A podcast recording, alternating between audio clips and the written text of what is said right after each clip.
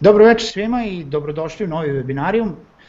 Moje ime je Željko Crnjaković i večeras sa mnom imam veoma, veoma specijalne goste.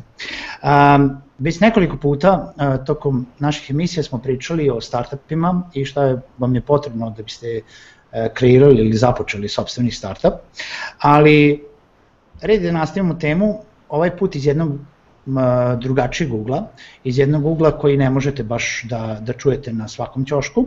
Um, I um, svim startupima je u nekom momentu potrebno finansiranje. Um, oni, oni koji ne mogu da se finansiraju sami, često se su u potrazi za nekim investicijama, investitorima ili bilo kakvim drugim dotacijama ili donacijama. A, ko su ti investitori? Ko je to ko startupima može da pruži taj neki uh, početni uh, vetar u leđa i šta oni u stvari traže od startupa, u kakve startupe oni ulažu, večeras pričamo o tome. Prijatelji webinarijuma večeras su Infostud grupa korisnih sajtova i Altus Host, evropska kompanija koja nudi hosting visokih performansi. Hvala im. A, takođe, još jedno samo ovaj, iznenađenje. Večeras nisam sam domaćin, večeras imam podršku od naših prijatelja iz Startita. Moj gost, ali u ulozi drugog domaćina je Marija Gavrilov iz Startita. Ćao Marija. Pozdrav svima. Marija će da nam da mi pomogne da intervjušem večerašnje goste i um, ona će vam takođe na kraju uh, tokom pitanja i odgovora koje imamo uh, biti predstavnik kao predstavnik Startita, Startit je najbliža spona između e, startupa i investitora ili ako imate bilo kakva pitanja, a ne možete da dođete direktno do investitora, Startit je e, veoma dobro mesto da počnete. A naši gosti večeras, a, nemamo samo jednog, imamo dva gosta, a, počet ćemo od dame večerašnje, a, Naš gošće večeras je Ana Pavičić-Kašelj iz Frank Fonda i ona nam dolazi iz Osijeka. Ćao Ana, kako je? Bog, bog, pozdrav svima. Čao svim gledateljima, slušateljima. Uh, pa evo, dobro je. Hvala što si sa nama. Hvala što si sa nama. Veselim se večerašnjem razgovoru. Super, super. I naš drugi gost je Nebojša Lazić iz Startlapsa.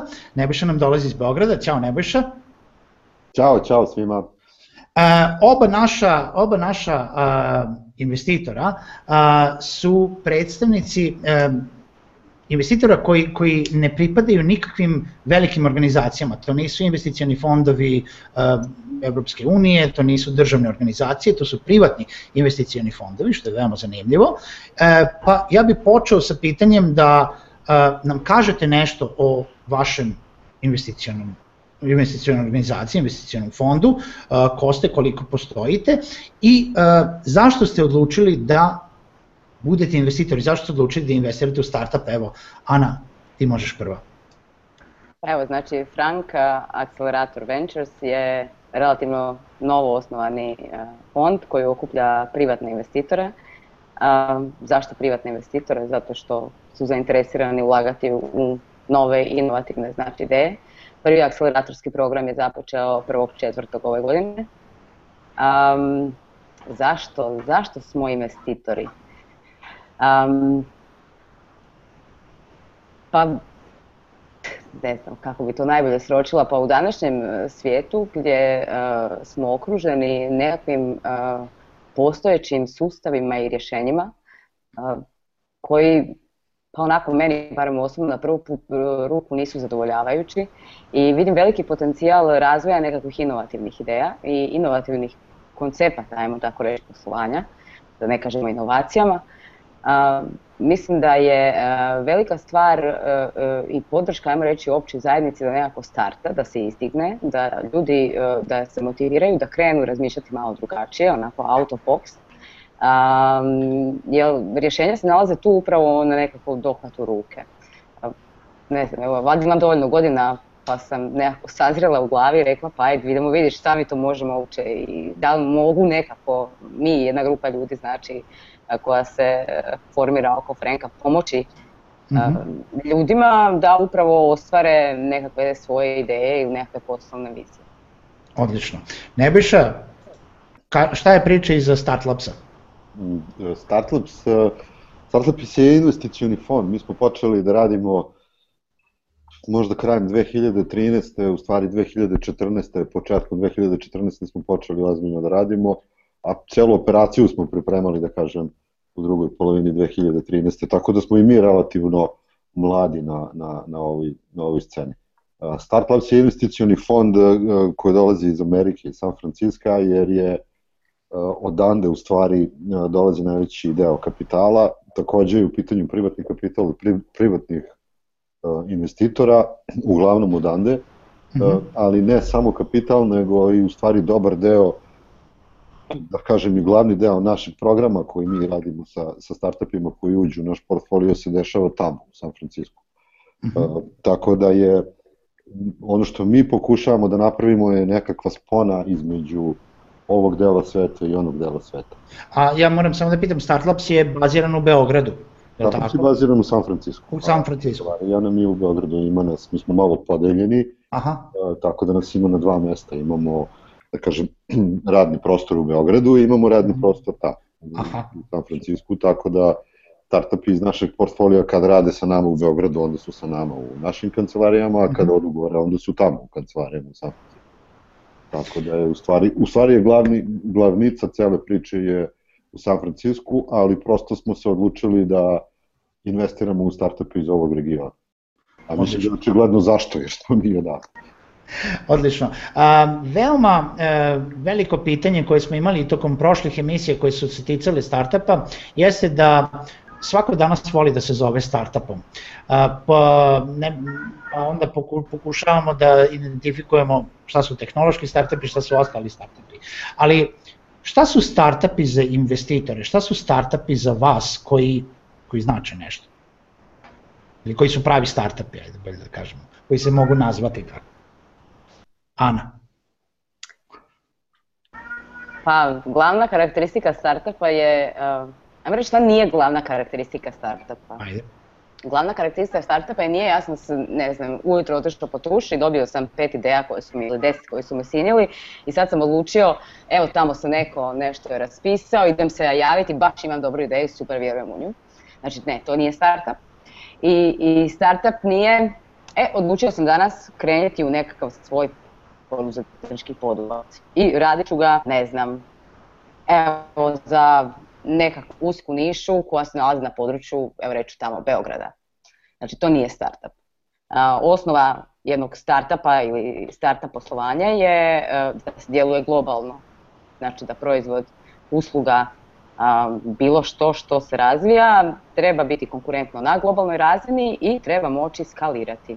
Znači, moći se znači prodavati puno brže, jače, bolje uh, nego nekakvi drugi konkurentni proizvodi i treba imati taj startup nekakvu ipak, baš smo danas već uvodno rekli, disruptive, znači nekakvu notu, a znači da mijenja nekako postojeće poslovanje ili neke uvežene već uzanice na, na, na nekom određenom tržištu. Uh mhm. -huh. Nebojša, ima nešto da se doda ili da... Pa da, mislim, slažem se s ovim što kaže Ana.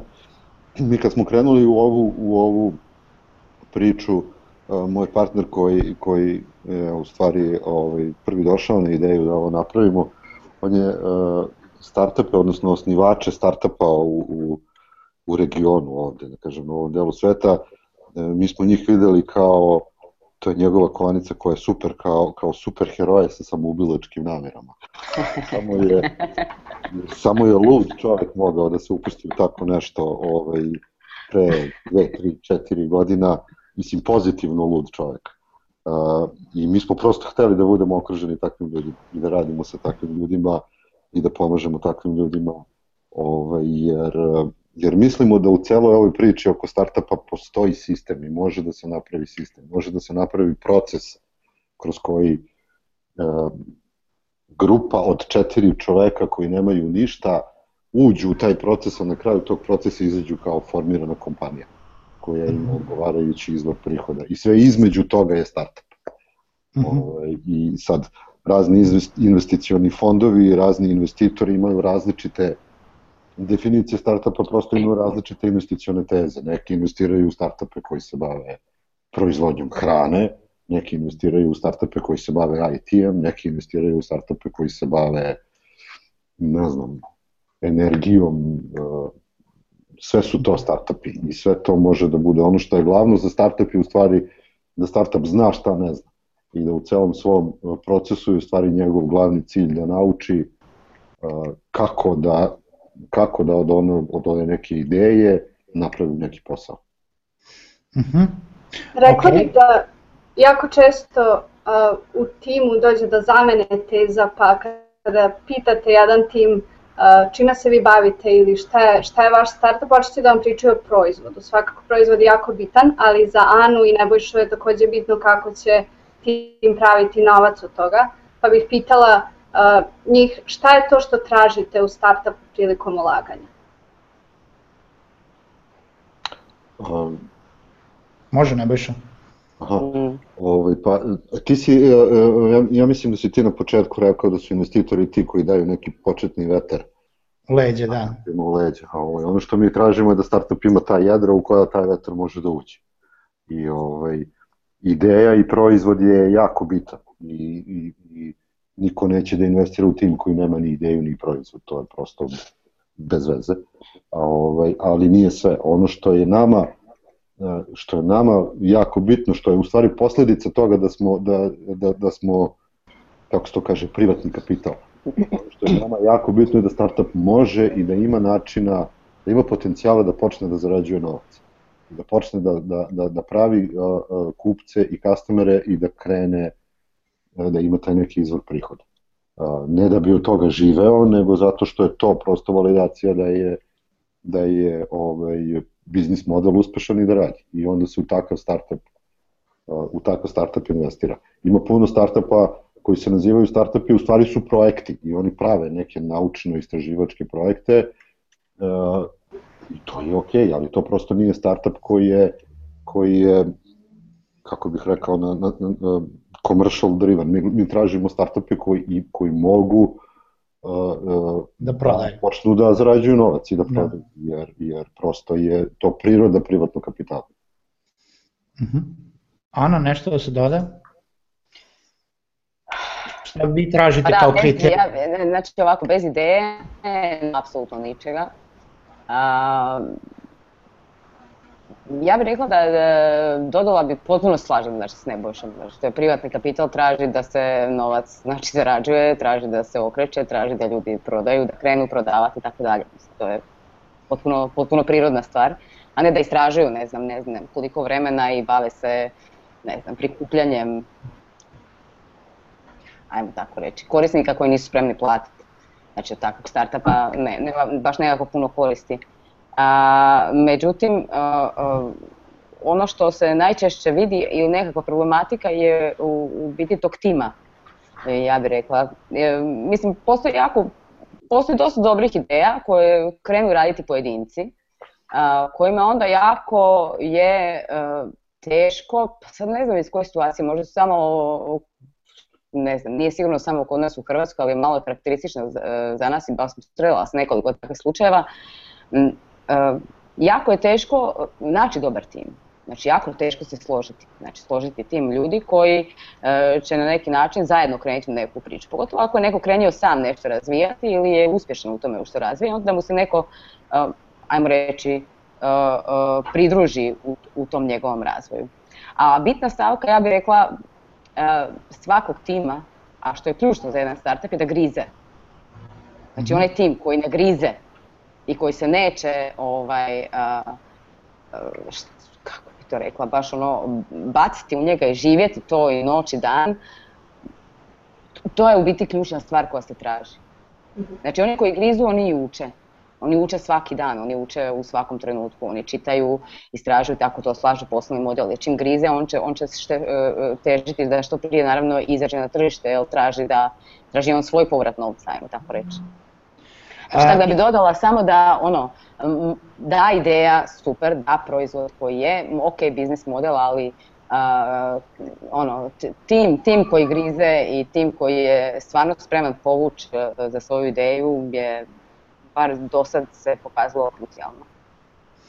Ja bih samo da proširim pitanje koje je uh, Marija postavila, uh, prvo bitno, uh, Nebojša, uh, počeo bi od tebe, kaži mi samo u kom, pošto smo pričali o kriterijumima, pa si rekao ideja i proizvod, u kojoj fazi vas počinje zanimati neki startup?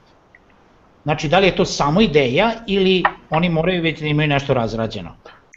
Ne, nije ideja. Znači, ideja ima, ideja, ideja je jako bitna i često se priča na, svim ovim konferencijama i gde gostujem i stalno se poteže to pitanje koliko je bitna ideja, da li se ulože u ideju, šta je to ideja. Ideja je jako bitna. Ovaj, prosto to je, to je alfa i omega, od toga se kreće, ali prosto nije dovoljno. To je potreban, ali ne i dovoljan uslov, što bi rekli matematički. Ovaj, tako da niko ne ulaže u ideju, mislim niko, mi ne ulažemo u ideju, ima ko ulaže, ali mi ne ulažemo u ideju i ideja prosto nije dovoljna da bi se, da bi se podigla investicija, ideja nije dovoljna da bi se pokrenuo posao. Ono što je potrebno da bi se zainteresovao Startlabs i da bi se zainteresovao većina drugih investitora, je ovaj, da počnu da se skupljaju kupci. Da banalizujem, znači da startup ima, da ima jednog kupca. Da je jedan mhm. čovek došao i da je platio za taj proizvod 1 dolar. To je, da kažem, nešto što je elementarno i što je prvi zadatak svakog startupa. Sad, da li je to dovoljno ili treba da ima 100 kupaca ili 1000 kupaca, to sad već zavisi od startupa do startupa. Ali nama je recimo mnogo zanimljivije da vidimo da startup ima da je tim krenuo i da je napravio neku mailing listu od 500 ili 5000 ljudi koji su zainteresovani za njegov proizvod, to nam je čak mnogo primamljivije nego da vidimo da taj proizvod postoji.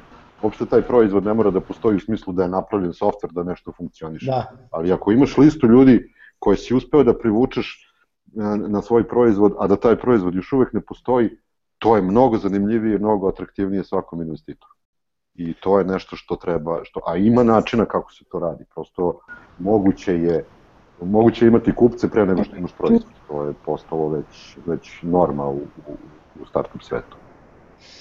Ana, šta ti kažeš? Da. Um, pa, ha, ne, složila bi se u ovom dijelu. Um, ja, jako je bitno u biti taj odnos sa kupcima i mislim da je to čak najčešća greška koju rade startupi, da uopće ga nemaju. Znači, pitati ono što kupac želi i ko ti je upravo taj tvoj kupac, na kog ti uopće ciljaš. Ono što ti misliš da on želi, vrlo često ispadne da to uopće nije on njegova želja.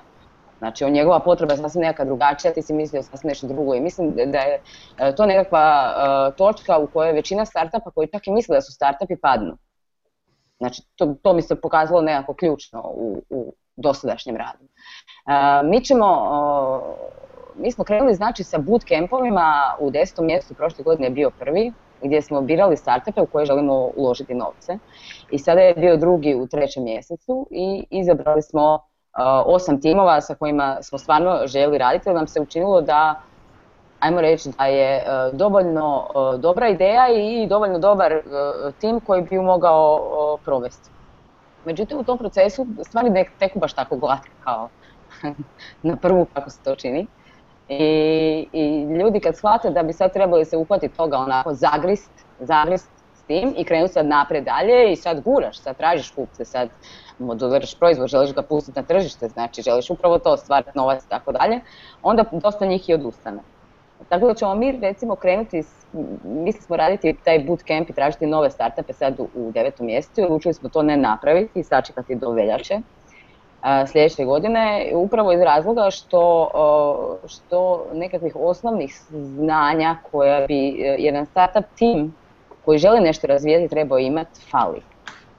Mm-hmm. Tako da ćemo mi recimo krenuti u Osijeku sa devetim mjesecom sa predakceleratorskim znači, programom hmm gdje će se upravo oni koji smo mi do sada, ajmo reći, imali, na, koji su nam dolazili kao potencijalni startupi, moći doći tri mjeseca raditi intenzivno na to svoje ideje, da uopće vidimo da li to stvarno ono, drži vodu, da se može nešto napraviti, pa ćemo onda, nije problem u njega uložiti. Puno mi je bolje ih zainteresirati, ajmo reći, kroz tri mjeseca i raditi s njima vrlo intenzivno, da oni sami zažive tu svoju ideju. Znači da ju ožive nekako i ne ideju, znači nego poslovni model, da zagrizu. Jer mhm. jednom kad su zagrizli, onda nije nikakav problem u njih investirati novac, pogotovo ako krenu, znači ono, i, i prodavati, nalaziti kupce i tako dalje. Ali mislim da je ovaj međukorak kod nas nedostaje, tako da ćemo mi apsolutno krenuti znači, sa tromjesečnim programom ovaj, od jeseni, jer kažem, možda je malo, tržište još nije toliko ovaj, se razvilo u Hrvatskoj koliko možda je u Srbiji. Da, ja bih se složio sa mislim da je to glavna, glavna stvar koja nedostaje. Taj neki predakcel, pred, e, ne znam, to se zove, to, to se zove kolektivno, kolektivno iskustvo na drugim zemljama, mm. na drugim mestima. Kod nas je to neki taj predakt, pa neću da kažem predakceleracijski program, ali neko mesto gde će ljudi moći da nauče osnove i neke elementarne stvari. Za sada, za sada postoje dve takve stvari u regionu. Jedna je, mislim da ima jedna u Sloveniji, jedna je u, u Zagrebu i u Rijeci je aktivan Founders Institute koji pokušava tako nešto da, da napravi i u Srbiji je aktivna Startit Akademija ili Startup Akademija. Marija, ispravim ako sam pogrešno rekao. Da, Startup. Uh mhm. Da. Znači, to su ta tri programa koji, koji pokušavaju da pomognu uh, grupi od 25 miliona ljudi koji žive na ovom prostoru. I ovaj, mm -hmm. to je definitivno nedovoljno i toga bi trebalo imati više, ali opet ne, ne, ne treba očekivati ni da sad svi startupi idu tamo. Ne, naravno. Ima mnogo drugih načina na koji, na koji oni mogu da, da ovaj, pa neću da kažem da nauče, ali prosto da krenu u pravom smeru i da počnu da, da izbegnu te neke elementarne, banalne greške ovaj, koje, koje je vrlo lako izbeći. Ovaj, I takvi programi, ja mislim da će da im pomognu. I još ako takvi programi budu dostupni online, kao što je Founders Institute recimo radi jako dobru stvar. Dosta njihovih stvari jeste dostupno online. One prave stvari i srž njihovog programa nije, to moraš da platiš da bi vidio. Ali oni imaju dosta kontenta koji je, da, da kažem, open source koji je dostupan online i koji može svako to da vidi. Ja mislim 30% njihovog programa može svako da pogleda ovaj, na Udacity-u i na drugim nekim ovaj, mestima um, i da prosto stekne tu neke, neke elementarne elementarne karakteristike šta je to startup. Ja pričam o vrlo jednostavnim stvarima, to su, to su stvari koje ljudi skapiraju za nedelju dana kada im, prosto mm -hmm. kada im pokažeš da je 2 i 2 jednako 4. Da, dobro. Da. Da, ja ću samo da dovezat ću se samo kratko, znači ovaj, to je nekako naše iskustvo sa ovom prvom generacijom, ajmo reći, ovaj, uh, uh, programa, što kaže Nebojša, oni vrlo lako skapiraju, ali neko to treba pokazati. Znači neko logiku samu pokaže, znači ono, dođeš sa, uh, sa idejom, ideš raditi razvoj i onda se ja vratim recimo u nekom trenutku na početak i kažem ti, a, a dobro, ko je tvoj kupac uopće? I onda moraju proći uopće da identificiraju ko je kupac, ko je problem. Prvo ono, što, koji problem? Da ti imaš problem? Nemaš problem? Pa ne mogu rješavati da ga nemaš. Znači ono, kupaca, onda nekakva ne, segmentacija tržišta uopće, ispitivanje. To mhm. nisu nekakvi ni alati sa kojima e, su se, pa čak ni u tom nekakvom formalnom obrazovanju, znači ono, susretali manje više ni poduzetnici, a da ne kažem startup ili mladi koji, koji izlaze s faksa i žele nešto napraviti. Da. Mislim da je veliki problem što startupi, ljudi koji žele da naprave svoj startup, bilo da to zovu startupom ili ne, ali oni gledaju pogrešne uzore. Prosto, kako da kažem, modeli na koji se oni ugledaju, to su modeli koji su njima pristupačni i oni se ugledaju na njih prosto zato što nema drugih, ali su to pogrešni modeli. I onda ljudi, pokuša, ljudi se ponašaju, kupi se četiri, četiri čoveka, koji žele da naprave svoj startup i krenu da se ponašaju kao Microsoft ili krenu da rade stvari na načine koje radi, ne znam, Oracle ili krenu da rade stvari na način koji radi neko javno komunalno preduzeće, neki projekat, nešto radi, što je bez veze, što ne, ne, ne može tako da se radi, jer prosto oni nisu, ni su Microsoft, ni su država. I, ove, i, I u njihovom, na početku rada svakog startupa, to sve izgleda mnogo drugačije i mnogo jednostavnije nego što i što ih uče na, na fakultetu i, na, i u školi i od onoga što mogu da vide na medijima i po novinama i po blogovima i po raznim tek krančevima ili gde li se već, mm -hmm. gde li se već ljudi kreću kada čitaju o, o tim startupima. Ajmo, a, Ana je već pričala o tome, a Nebojša ti si već dva puta pomenuo, a, Ana je pričala o timovima i a, koliko je teško naći pravi tim. A, ti si upravo promenuo Nebojša tim od četiri čoveka.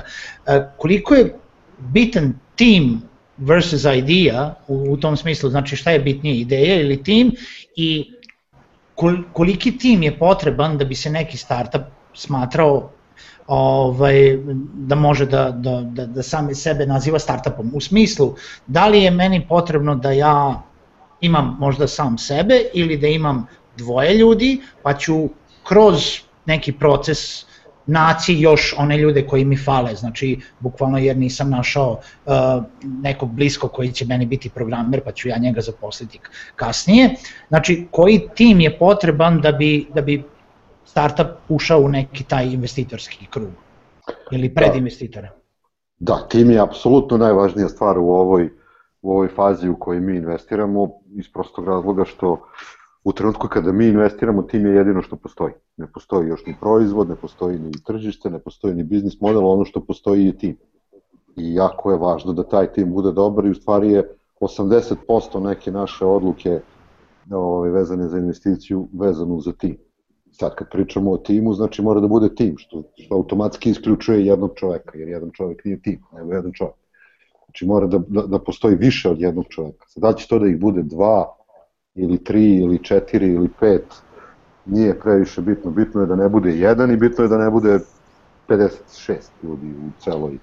Ali da kažem, ono što mi investiramo su neki timovi od 2, 3 do 5 ljudi u nekoj početnoj fazi, koji onda kasnije, koji onda kasnije rastu. Ali recimo, jako je zanimljivo, ako ti, ako ti kažeš ja ne mogu da nađem co-founder, onda tu ima neki problem, ili je problem sa tobom, uh, jer si baksus pa neće niko da radi sa tobom, ili je mhm. problem sa tvojom idejom u koju ti ne možeš da ubediš nekog drugog da ti se priključi, to je onda jako veliki problem. Čak i kad postoji tim pod znacima navodna, to je, to je recimo velika opasnost koju mi pokušavamo da izbegnemo. Postoji tim, postoji neki projekat na koji radi, na kome radi 7-8 ljudi, ali ima jedan gazda pod navodnicima koji, koji ima 100% kompanije i sve se dešava onako kako je on, dok ostali rade kod njega ili za platu ili za slavu. I to je takođe, to je takođe problem, to nije tim. To je mhm. onda neki surogat kompanije u koji je isto jako teško, jako teško investirati. Znači potrebno je da postoji tim koji će imati izbalansiran udeo vlasništva. Ne mora da bude svak podjednak, naravno, u redu je da neko ima više, neko manje u zavisnosti od, od toga koja mu je uloga, ali je jako bitno da ih ima više koji će imati izbalansiran udeo vlasništva ovaj, firme i prosto mislim da je jako puno posla ovaj, vezano za svaki startup za jednog čoveka. To ne postoji čovek koji to može da, da, ovaj, da izgura. I, znaš, i, i, i pravljenje startupa je vrlo trnovit put i, i dešava se da su ljudi padaju u depresiju, da ne znaju šta će i onda je bitno da ima neki drugi, neki drugi njegov co-founder koji će, nadamo se, biti u tom trenutku malo bolje raspoložen, pa će malo da ga podigne, da, ima, da mu pomogne na tom nekom emocionalnom, emocionalnom nivou i prosto je potrebno da ima tim koji može jedan drugog da gura. Ali hteo sam sam, samo da nadogradim pitanje, hteo sam da te pitam uh, recimo da li je bitno čak i da imaš co-foundera, da imaš pet ljudi uh, i da svi grizu za tu ideju. Uh, da li je bitno da recimo uh, šta se dešava ako nema dovoljno na primjer, nema ni jedan programer u timu. To nije dobro. Zato što se, svi, svi su, ali eto, ne znaju da, da, da naprave svoju web stranicu. To nije dobro. Mislim, e, sad, sad u ovom trenutku pričamo o IT startupu, znači dobro. o startupu koji se okay. bavi razvojem softverskih proizvoda na webu. To je ono u što mi investiramo.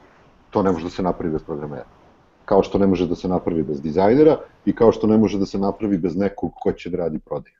Znači te tri karakteristike, te, te tri da kažem uloge moraju da postoje među founderima u timu. Ne možeš da zaposliš programera kao što ne možeš da zaposliš prodavca, kao što ne možeš da zaposliš dizajnera. To su neke tri, tri uh, kako da kažem, uh, job descriptiona koji moraju biti uh, u, među founderima, ne, ne, ne u širem timu, nego u najužem timu. Znači mora da postoji programer, mora postoji sales guy i mora postoji, Ameri kažu, kako kažu, haker, hipster i hustler. Ove, te tri, te tri ovaj, role moraju da budu u core timu među founderima. Ana, koliko je teško naći takav tim? A, pa evo, potpisujem sve što je Nebojš rekao, znači ono, od A do Ž, otprilike. Rekao bi e, samo jednu nekakvu razliku da je o tome da on kaže 80% odluke se bazira na tome da li je dobar tim. Mislim da u ovoj fazi pogledaj 95% odluke se bazira na timu. Ono, a još proizvod bismo još izvukli nekako, ali tim ne može izvući nikako. A, što je bilo tvoje pitanje? Čekaj, oko tima si me pitao. Koliko je teško naći takav tim? Koliko je teško za naći? Jo, evo te sljedećeg dobro pitanje. pa, pa ja mislim da je stvar u tome entuzijazmu koji ti e, kao nekakav, ajmo, prvi vlasnik te nekakve ideje imaš. Znači, jel imaš entuzijazam ili nemaš? Znači, ako ti vjeruješ svoj proizvod, lako je kad neko vjeruje svoj proizvod uvjeriti nekoga. Ali ako ti sam malo ne vjeruješ taj proizvod, onda je jako teško i uvjeriti nekoga da ti se u to priključi. Stvari su vrlo jednostavne. I mislim da je to ključni moment u biti pitanja da li ćeš ti naći tim ili nećeš naći tim. Znači, svi ste se složili, ako imate tim od troje ljudi, da ok, sad svi zajednički vjerujemo u tu ideju. Ako sam ja sam krenio, onda ja moram toliko vjerovati u to da i okupim još oko sebe ljudi koji će dijeliti tu moju ideju. Opet je to, stvar entuzijazma i nekakve, nekakve vizije. Da, da spominjali smo pre nego smo se uključili, pre nego smo se uključili uživo, um, provukla se tu kroz priče i iz, uh, obrazovanje i uloga škole i univerziteta u tome. Pa me čisto interesuje koliko mislite da mladi izgube entuzijazam za tako nešto, za nešto što nije uh, posao u javnom sektoru. Uh, posao, znači čisto ideju da počnu nešto sami sa sobom ili sa svojim prijateljima, koliko na to utiče obrazovni sistem. Pa evo samo stvarno ovako ovaj, reći iz nekakvog iskustva, znači kad smo krenuli sa tim našim bootcampovima, onda ovako vrlo ideološki se ja nekako to povukla i išli smo prezentirati to na fakultete, znači na sveučilište u Osijeku, to je sedam fakulteta, 2500 studenta nekakve zadnje, zadnje godine. I sada ja njima onako imam jedno motivacijsko znači predavanje koje, koje traje i nakon predavanja na petoj godini ekonomije a, dvorana od 250 studenta i, I super smo se mi iskužili sve, tako da je Vibra je bila dobra i kaže meni na kraju kolegica digne, ima pitanje i kaže mogu, vas, mogu ja samo vam nešto reći. Znači evo, ovo sve što ste vi ispričali je sjajno. Ali ovo sve što ste ispričali nema nikakve veze sa onim što nas uče pet godina. Znači nama su prvo i osnovno rekli ne preuzimate rizik, bez desetogodišnjeg poslovnog plana ne idete u apsolutno ništa. Treba da ste ugurati apsolutno sve resurse, svu opremu, šta već sve treba da biste uopće negdje krenuli. Znači ono što trenutni obrazovni sustav uh, uh, obrazuje, ajmo reći nekakve buduće poduzetnike, je, uh, pa ja bih rekla, tragično. Znači on ne obrazuje poduzetnike, ono daje nekako pojedinačne ne znam šta bih rekla, edukacijske modele u pojedinim segmentima, a ne stvara nikakvu poduzetničku atmosferu. Znači oni se ne natječu, ne stvaraju. Oni samo ispunjavaju obrazce. Znači to je to. I mi ne radimo, ne stvaramo ljude koji bi trebali biti izvrsni, trebali napraviti nekakvu promjenu, znači u nekakvom poslovnom svijetu, u nekakvim idejama, mi isključivo uh, radimo prosječne, uh, nekakve prosječne zaposlenike, ajmo tako reći. To je ono što je ja bih rekla, najtragičnije u samom sustavu. Dokad pak to može ići tako, ja mislim vrlo kratko. E, ja mislim i ti studenti kapiraju u nekom trenutku da, vjerujem, mi kažemo da je u Hrvatskoj kriza, a u Srbiji, koliko znam, još i gore nego što je u Hrvatskoj, pa shvate da javni posao je sad već teško dobiti, da se neće baš previše ni usreći tamo, privatni biznis opet im je ono, sad, sad te ima, sutra te nema, tako da su krenuli malo, malo nekako se ipak razigralo sve skupa i, i krenuli su o nekim svojim idejama razmišljati. Međutim, onda kad sad hoće nešto pokrenuti, oni nemaju formalnog znanja, oni nemaju znanja. Ne znaju kako. Znači, pitanje je pred tih 250 studenta, sam rekla, o, ključna stvar je, ajde da vas pitamo ovako samo jednu stvar. A, čemu služi poslovni plan? Oni ne znam, onako u glavama već vidim a, a, prebiru poslovni plan, aha, gdje smo ono učili, koja je to bila knjiga, kužiš, za čega je bilo. A, I onda kažem, to je metodologija za Znači, uopće razmišljanje da je poslovni plan, ne znam, najosnovnija računica kako će zaraditi nekakvu lovu i da ti je to ono da kreneš da obične Excelice, imaš prihode i rashode, to njima je potpuno izvan skopa. Znači, oni uopće ne razmišljaju na takav način. Ne, ne razmišljaju koliko trebaju uložiti i koliko vremena da, da bi mi se nešto vratilo i koliko nečega moraju prodati da bi bili na nuli. Tako da, dok dok se taj dio jednostavno ne, ne izmjeni i ne uvedu nekakve uh, novine u načinu, pa prvo, ne znam, moraju val profesori ovi stari otići u penziju, pa došli neki mlađi. to je jedno, ja ne vidim drugo rješenje trenutno. E, dobro, ajmo, ajmo dalje, kažemo, e, na, napravili smo tim, imamo dobru ideju. Došli smo pred investitore, o čemu ćemo još možda posle pričati kako uopšte da dođemo pred investitore, a i dobili smo, recimo, zainteresovali smo vas sve. Šta znači dobiti investiciju investitora? Šta je sve time obuhvaćeno? Uh, mislim, svi prvo pomisle naravno na investiciju i na pare, ali nisu to samo pare. Nebojša, šta, šta sve obuhvata znači, jedna investicija vašeg investicijalnog fonda? Obuhvata prvo pare, Zatim obuhvata jako širok spektar ovaj, pomoći koje mi pokušavamo da pružimo svakom startupu u koji, u koji investira. Ima tu dva dela. Jedan deo je, da kažem, standardni, standardni deo koji manje više svi investitori će da kažu da daju svoj startup. Neki im daju, neki im da, ne daju, neki samo pričaju, uh, neki daju malo više, neki daju malo manje, ali to je taj neki, ne znam, mentorski program. Meni se ta mentor reč ne sviđa, to mi nešto ko što kaže Ana, ko sa fakulteta imam nekog mentora koji mi stoji na glavu, ali to je taj neki mentorski program, odnosno odnosno skup ljudi koji su na raspolaganju svakom startupu da im pomogne u odgovarajućim segmentima e, njihovog, njihovog posla. I da kažem, veliki broj drugih benefita koje startup može da ima nakon, nakon ulaska u, u rad sa investitorom. To je znači jedan network, mreža ljudi sa kojima svaki investitor može da poveže svoje startupe, bilo da su to u pitanju investitori koji ulože u sledeću rundu, koji dalje pomažu tom startupu ovaj, da podigne sledeću rundu ili da napravi nešto dalje, ili intro ka nekim potencijalnim partnerima, ali uglavnom mreža, mreža ljudi koje, koje se nalazi oko svakog investitora je jako bitna. I da kažem veliki broj ovih soft benefits kao što su, ne znam, mi imamo 5000 dolara od Amazona besplatan hosting, imamo od Microsofta ovaj BizPark program njihov, uh, pomoć advokata, pomoć accountinga, formiranje kompanije, sređivanje papira, takve neke stvari koje prosto nemaju nikakve veze sa startupom, ali prosto moraju da se odrade jer je to deo posla i onda mi pomažemo da im to ne oduzima E, toliko puno vremena. Ali da kažem, glavna stvar je ta pomoć e, koju dobija od ljudi sa koji, koji se nalaze u našem krugu. U našem slučaju su to ljudi koji sede ovaj, tamo u San Francisco uglavnom, ali ta mentorska pomoć je nešto što je najvažnije.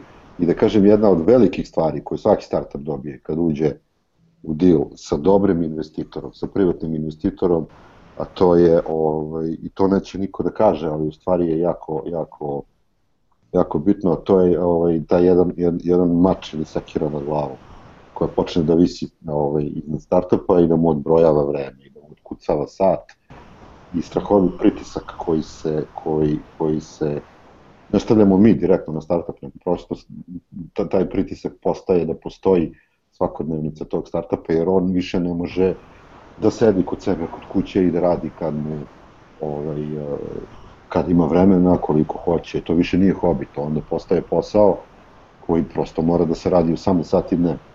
I ovaj, ima taj, zove se runway, to je jedan jako lep broj, a to je u stvari životni vek jednog startupa koji se smanjuje. Koliko ti je još vremena ostalo do, do, do smrti. Ovaj, uh, I to je jedan pozitivan pritisak koji, koji postoji na svakom startupu, koji je vrlo dobra pokretačka snaga, ja bih rekao, ovaj, u, u svakom poslu. Ana, kod vas šta dobija jedan startup? Pa vrlo je slično. Mislim da je samo Nebojšina mreža puno, puno jača, jer je vezana upravo linkana za, za Ameriku i za San Francisco, gdje, ajmo reći, startup, startupi kao tako došli, rastu, sazrijevaju, ima ih mali milion. E, tako da je iskustveno gledano puno, puno jače. A, vrlo, vrlo, znaš, što kaže mentorstvo, možda je mentor kod nas nekakva u drugoj, u drugoj konstataciji e, e, se govori, kod nas mentor dosta ovako, nema veze sa fakultetom, kod nas mentori na fakultetu ne postoje. To je samo moja lična verzija. Kao bila, ja bi bila jako sretna da postoje. Ali to je to je u biti mentorstvo. Onaj, znači, s jedne strane startup ko, koji dobije, dobije naravno investiciju, dobije, kako bi rekao, i, i, i sticks and carrots. Znači, s jedne strane e, i dobije mrkvu, dobije nagradu, ali s druge strane ima i onaj znači nekakav štap koji, ne baš je to lijepo rekao, koji te jednostavno tjera, nema ti sad odustajanja, evo ti mrkva kužiš i to je sad tempo koji si se sam nametnio, htio si ga, prema tome ideš dalje. Ali mislim da se podrazumijeva od svakog ko se danas želi baviti startupima, pa evo tako i mi, a tako, tako i Nebojša, znači da a, startupu, ajmo reći investitor, ili taj nekakav uži krug mentora postaje mu, ja bih rekla, ko obitelj. Znači, jer ti s njim se čuješ u bilo kojem trenutku, čuješ ga kad mu je teško, znaš kad mu je krenulo loše, e, znaš što proživljava i tako dalje. E, dosta je to jedna, e, jedna ovaj, ja ne bih rekla, rekla poslovna veza, ali emocionalna veza između i, i naravno da svaki stvarno i ole investitor koji, koji želi da njegov startup uspije će se stvarno truditi svim silama da mi omogućimo apsolutno sve što je u njegovoj moći da bi se ovaj probio. Znači to uključuje svo, svo moguće znanje i, i sve moguće izvore i kontakte i, i, i na neki način investitor te bar u ovoj prvoj fazi ovih startupa, neću govoriti o nekim kasnim fazama, ali doslovno te tjera da ideš naprijed. Nema odustajanja. Znači jednom kad si dobio to, kad si krenio, nema. Ja, ja moram da kažem, ovaj, ne baš je pomenuo neku sekiru nad glavom, ti si pomenula neku obiteljsku vezu, padaju mi na pamet neke reality showovi ovaj, koji bi se mogli napraviti od svega toga, ali ajde ovaj, možda nešto što, što je svime time rečeno, ali ja bih voleo da verbalizujemo nekako, čime je startup uslovljen kada dobije investicije? Šta to znači? Mislim, da, da li ima različitih investicija u tom smislu? E, imaš tri meseca da postigneš to, to, to i to. I šta se dešava posle toga ako se to postigne ili ne postigne? Pričali smo o drugoj, e, drugoj rundi investicije u tom smislu, ali koji su to uslovi i šta se dešava ako neko ne, ne postigne? Ne bojiš? Zavisi, zavisi od, od, od, od slučaja do slučaja Znaš, nekad se dešava da, da kažem, najbanalniji slučaj je, je da investitor pred startup postavi uslove i kaže mu evo ja sada hoću da investiram izvesnu sumu novca u, u, u tvoj biznis, ali ću da investiram to u dve ili tri tranše. Prva tranša će biti sada, a da bi dobio drugu tranšu novca, treba da postigneš, treba da, da, da, da napraviš to, to, to i to. To se izrazi u brojevima u Excelu, znači nisu u pitanju deskriptivno neka, neki dogovori, nego treba da imaš toliki da li monthly revenue, da li toliki broj kupaca, ne, neki vrlo jasni ciljevi se postave da bi se došlo do te druge, e, do te druge tranše novca.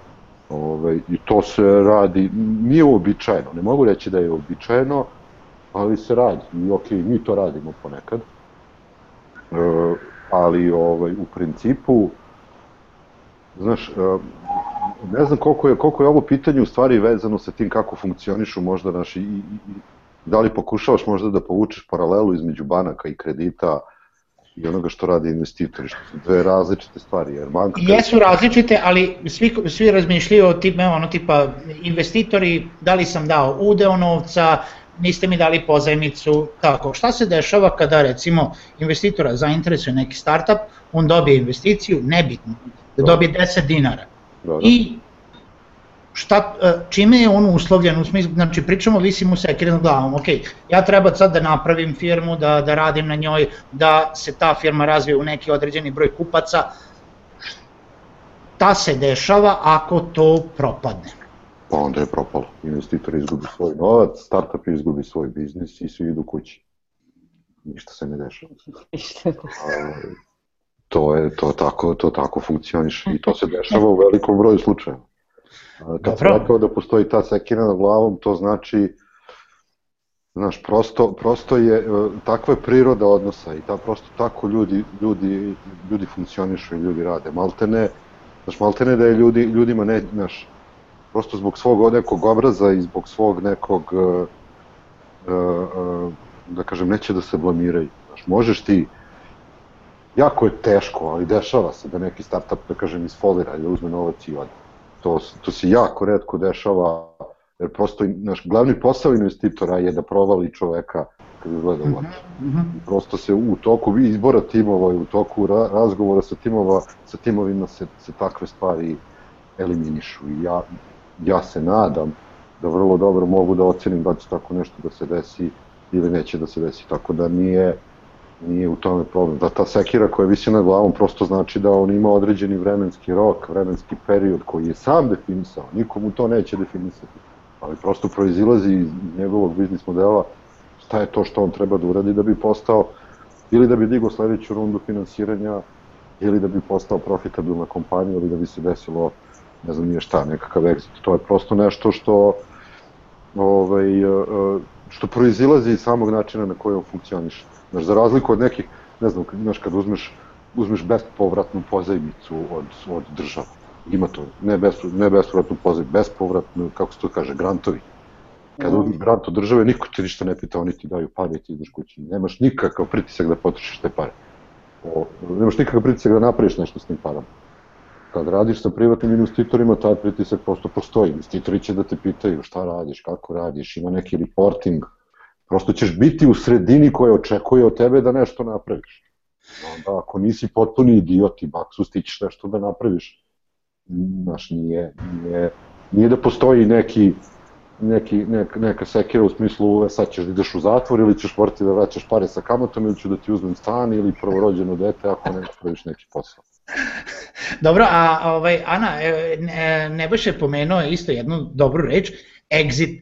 Šta je exit za investi... Mislim, recimo da kažemo da imam, imaš uspešan startup u, u in, inkubaciji, u investiciji dokle ide odnos investitora i startapa?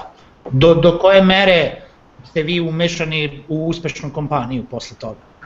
E, čuj, znači, ja ti moram reći da smo mi tek krenuli, znači, tako da, teško da, bilo bi jako lijepo da imamo sad već exit, znači, ono, nakon mjeseci po nama, ja bilo jako sretno da smo do, dobili takav start, da imamo exit.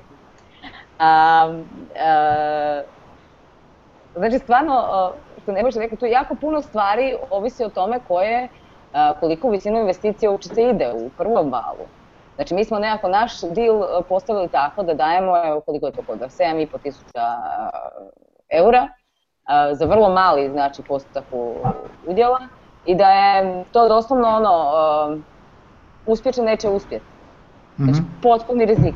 Znači mi mu osim što mu naravno želim da, da uspije i osigurat ću mu apsolutno sve, kod nas nakon mjesec dana, znači što je u akceleratorskom programu, znači može dobiti tu investiciju na osnovu naravno onoga što mu je prikazao i nekakvih zahtjeva koje smo stavili pred njega. Naravno, zato postoji nekakav uh, iz kojeg se vidi da li ti to uopće možeš napraviti. Ali ja mu reći da smo odlučili igrati na tu kartu ono full rizika. Znači full rizika to je, mm -hmm. ajde da vidimo šta može napraviti s tom lovom. Dobro. Eto, sad ne mogu govoriti znači o nekakvim drugim fazama, jer uh, druge faze su ti naravno uvjetovane na tome šta će on uopće napraviti u nekom programu. Znači, on u akceleracijskom programu je četiri mjeseca. Znači, nakon mjesec dana si mhm. dobio nekakvu sitnu lovu, pa ajmo vidjeti, evo, kod nas sad možeš mečirati u lovu, znači možeš dobiti još 7 i ovaj, tisuća eura od države, ok, fine, ajmo vidjeti sad u iduće tri mjeseca mhm. šta možeš napraviti, to se dovisi stvarno od startupa do startupa i čime se on bavi, jel će on, ne znam, u drugoj rundi, ne znam, htjeti dizat e, i uspjeti napraviti nekakav ozbiljan traction i ozbiljnu nekakvu prodaju, ili je završio opet sa nekakvim malim iznosima gdje će se boriti onako rukama i nogama da bi digao, ne znam, deset puta više. Znači to je jako ovisi, naravno da investitor će isto jednako tako će uvjetovati sukladno visini investicije nekakve uvjete pred startup i nekakve, ajmo reći, milestonove koje on mora ostvariti i naravno ovisi u kojem, u kojem je to period. Ali što u startup je startup, znači izgubiš, izgubiš, uh, ili dobiješ, dobiješ. Ja ću, uh, idemo još samo malo imamo da, da razgovaramo, uh, što se tiče naših gledalca pozivam vas da pitate u četu, uh, čim završimo ovaj, naše izlaganje, prisjećamo na vaša pitanja. Usput dok slušate nas, ja ću vas podsjetiti da je još danas u toku anketa webinarijuma, tako da ukoliko želite i ko nije, imate priliku da popunite, sada sam vam stavio sa desne strane link za to. Uh, Marija, ja imam pitanje za tebe, pošto Startit definitivno radi na tome da uh, unapredi startup zajednicu kao i uh, mnoge druge stvari i edukaciju svih ovih, uh, to jest na, na, u, ovom, u regionu svesno. Uh, šta startup radi na, na nekim aktivnostima što se tiče zbližavanja investitora i startupa? Pa radimo dosta stvari, to sa ponosom mogu reći. Um, recimo da dve organizovane delatnosti ili dva organizovana načina na koje spajamo startupe i investitore, to je svakako Startup Akademija koju je Nebojša već pokrenula. Ove godine Startup Akademija prima četvrtu generaciju učesnika i kroz nju je prošlo pa čini mi se oko 40, 40 startupa um, koji su sve ukupno dobili investicije oko 2 miliona eura. Um, e sad, drugi način je Podkrovlja Hub u centru Beograda gde, gde udomljavamo nekoliko startupa i prosto pomažemo im da imaju privremeno, privremenu kuću uh, gde mogu da rade i da se upoznaju međusobno, da dobiju mentorsku podršku. I na jesen takođe očekujemo otvaranje Startit centra u Savskoj ulici. To će biti jedan lep veliki prostor na kome će, kako smo zamislili, doći do razmene ideja, znanja, prosto da stvorimo neki fluks informacija i znanja koji će se, koji će se pretvoriti u, u uh, jačanje startup zajednice. U centru će takođe biti i jedan fond, regionalni fond, koji će tražiti startupe i potencijale u čitavom regionu. E sad, postoji, prosto negujemo kulturu i u našem timu i pokušavamo to da širimo, a to je da verujemo u koncept paying it forward, što znači da ćemo pomoći svakome ko nam se obrati za pomoć, da li pre umrežavanjem sa investitorima, da li umrežavanjem sa mogućim potencijalnim budućim članima tima, znači svi smo zaista zagrizli za tu ideju da želimo da doprinesemo i na individualnom nivou zajednici koliko je to god moguće. I kroz Startit, kroz, kroz sajt isto prepoznajemo koliko je bitno da objavljujemo kvalitetne i, i zaista dobre informacije i koliko je važno da informišemo i obučavamo zajednicu kroz, kroz Startit i da li pišemo startlapsu, da li objavljamo poslednje konkurse ili objašnjavamo šta znači dati investiciju, kako je to dobiti investiciju, uh, sve se to, sve se to uh, kod nas može naučiti. Odlično. Uh, mi smo, ili svi koji su ikada pomišljali na startup, uglavnom znaju ili su čuli da postoje startup događaj na koji startupi odu, okupe se pa pičuju svoje ideje investitorima i, e, i to im nekako onako prva asocijacija na to kako doći do investitora. E, ja sam imao priliku Nebojša tebe da slušam na IT Connectu e, gde si pomenuo da je recimo da su takvi događaji čak onako neka najniža lestvica u tom nekom razmatranju uopšte kako bi trebalo doći do startupa. E, kaži mi, i o, pitanje za oboje, kako doći do startupa? Da li je nekim direktnim obraćanjem, da li je to tim događajima, kako zainteresovani startupi da dođu u komunikaciju sa, da to da, da recimo zainteresuju bilo kakav startup, da li su to od poziva telefonom, kod mailova do toga da vam neko kuca na vrata. Misliš kako doći do investitora? In, pardon, pardon, investitore. Jeste. Ana, hoćeš ti ili kako? Mhm. Kako doći do investitora? Misliš startupu kako doći do investitora? Jeste, kako da on dođe do nas? Jeste, kako, Kako da on dođe do nas? kako startupi da dođu do investitora? Ja sam napravio ovaj lapsus u rečima, znači osim, osim događaja kao što su startup vikendi gde se pičuje pred investitorima, a, Nebojša je pomenuo da to baš i nije najbolja najbolji način za, za, za to kako da doći do investitora. Znači, da li je doći bukvalno, dobar, dobar dan, ja imam ideju. Sada maše, maše, maše. A, ovisi, kakav je, ovisi kakav je startup i kakvog investitora treba. Tu postoji više stvari. Pa Dobro, evo pričamo o vama konkretno, evo Nebojša će reći za njih, Evo, pričamo je o to Frank vrlo, vrlo jednostavno, znači vrlo jednostavno. Znači naša vrata po tom pitanju su nam uvijek otvorena. Znači u bilo kojem trenutku neko ko ima, ajmo reći ideju, ali ne ideju ispod kuća, znači ne mislimo na tuš ideje, mislimo neke ozbiljnije stvari, nekakav razreženiji koncept, uvijek može doći kod mene i ja ću lijepo sjest s njim i oni ne znajući šta ga pitam će pičat svoju ideju. Znači vrlo, vrlo jednostavno. Dobro, znači, Dovoljno znači samo doći, da.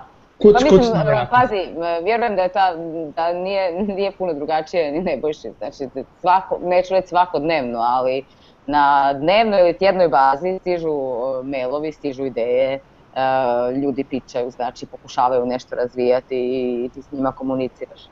Barem je u mom slučaju tako, ali dobro, ja možda i djelujem ovako malo na cijelu zajednicu i stvarno sam vrlo susretljiva u tom smislu i kogod ima neku ideju, ima tih 5-10 minuta da ga poslušam, znači, da vidim šta Dobro, je ta ideja. Ti si ovako Koliko je, koliko od, od tih, da, pojasni, koliko je stvarno od tih svih takvih ovaj, slučajeva zaživjelo sa startupom, a pa mogu ti reći nula.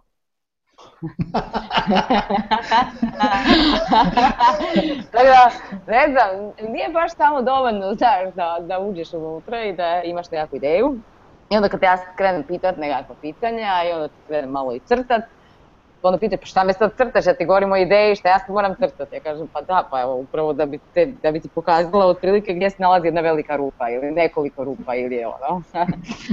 a da čisto to navedem na drugih, da ti sam shvatiš, jer poanta je u tome da startup sam mora shvatiti ono u čemu griješi. Znači, to je, to je jednostavno ono learning, uh, do, uh, uh, uh, learning by doing. Znači, nema, nema smisla da ja tebi kažem da nešto radiš krivo, znači, ili, ili, ili da tvoj startup ne valja. Ti moraš sam osvijestiti što u njemu, ajmo tako reći, ne valja. E, tako da, eto, po, kod nas e, stvarno ono, širom otvorena vrata, ali ja bih rekla nakon prvih pet minuta da evo, i čovjeku sa, savršeno jasno poruka ko, koju sam mu poslala. Ali To je- stvarno, ono, full smo otvoreni. Inače, kažem, e, kod nas e, funkcionira tako da oni moraju proći kroz bootcamp. Znači, i svi startupi manje više imaju uh, jednaka, jednaka prava, tako reći, i akceleratorski program koji kreće u određeno vrijeme i u sklopu kojega, ajmo reći, prolaze tu jednu forma, formalni dio te nekakve akceleracije. Nebojša? Da, što, pa sad, što se, kod, što se mehanike tiče kod nas, evo ga sajt ovde dole ispod moje glave, o, što se tiče mehanike, i, ima na našem sajtu prijava, svako može da se prijavi i ono što mi pokušavamo da uradimo, ja se nadam da uspevamo, je da svako ko popuni prijavu, mi ga pozovemo na sastanak i pričamo bar sat vremena sa, sa njim. Tako da je to ovaj nešto što radimo sa, sa svim. Ovaj, sad, znaš, kao što je startupima teško da dođu do investitora, tako i investitorima teško da dođu do startupa i to je, znaš, to, je, to, je, to, to važi u oba smera. Kod nas je to malo drugačije nego napolju, zato što kod nas investitori ne postoje, vrlo su, vrlo nas je malo. I naš, i zbog toga je do nas lakše i doći. Napolju je to malo drugačije i teško je doći, slažem se da je teško doći do investitora, prosto zato što jako veliki broj startupa pičuje svakog investitora i oni prosto nemaju vremena da, da pričaju sa svakim. Ja dobijam 20 aplikacija svake nedelje. Ovaj, I jako je teško ovaj, uh, uh, proći kroz sve to i onda da kažem da je neki najbolji način dolaska do investitora generalno uh, naći neki, kako se kaže, neki intro. Znači, vrlo je velika verovatnoća, pogotovo u našoj sredini koja nije toliko velika. vrlo velika verovatnoća da poznajete nekoga ko poznaje nas ili, ili Anu. Ili da znate nekoga ko je već u našem portfoliju. Neki od startupa koji se, koji se već koji već rade sa nama, neki od ljudi koji već, evo, Startit Zoja i, i cela Startit ekipa, oni nas znaju sve. Ovaj, tako da naći tako neki intro i preko nekoga, kad vas neko preporuči nekom, nekom investitoru, to je ubedljivo najbolji ulazak u, u kod, kod bilo kog investitora. I napolju, da kažem, u razvijenim startup zajednicama, to je jedini u stvari način kako možete doći do investitora. Ne možete vi da pokucate nekom na vrata, niti da mu pošaljete cold email, niti da mu se... Ima akceleratora koji primaju prijave i onda se prijave startupi i onda oni intervjuišu startupe i od hiljadu prijava izberu deset. O, mm -hmm. Ali to tako radi na papiru, u realnosti i njima potreban. I jako redko će ti pravi akceleratori, veliki akceleratori, investitori da prime nekoga ko je tako pamilo mhm. ovaj, mm -hmm. na, na vrata. Kod nas je, kažem, malo drugačije i mislim da je kod nas jako lako, jako lako doći i do Joane i do nas i do svih ostalih investitora koji su aktivni u regionu. Svi imamo sajtove, svi smo na LinkedInu, svako i mi smo vrlo otvoreni za razgovor. Ali kažem, ako bi moralo da se bira i da se kaže, ja mislim da je intro da vas neko nekome preporuči ubedljivo naj, najefikasniji način. Jer to je takođe jedna, jedna vrsta filtera.